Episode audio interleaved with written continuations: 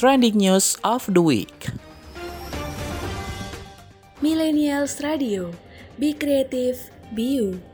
Trending News of the Week bersama saya Caca dari Kalimantan Barat. Berita selanjutnya dari saya datang dari Bahasa Indonesia diajarkan di 54 negara di dunia.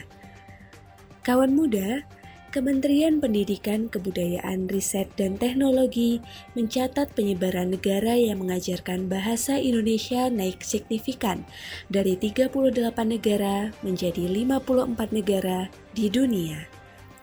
Menurut Kepala Badan Pengembangan dan Pembinaan Bahasa Kemendikbudristek, E. Aminuddin Aziz, target sebenarnya adalah 48 negara.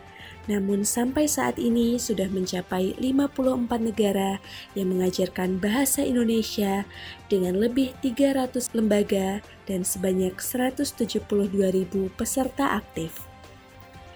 Ia menyampaikan capaian tersebut berkat kerjasama semua pihak yang akhirnya dipakai dan diresmikannya bahasa Indonesia sebagai salah satu bahasa yang bisa digunakan di UNESCO.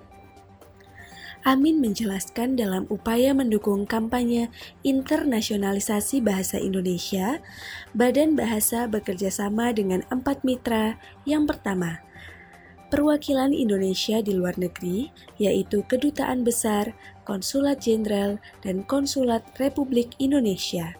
Kedua adalah perguruan tinggi yang mengajarkan bahasa Indonesia.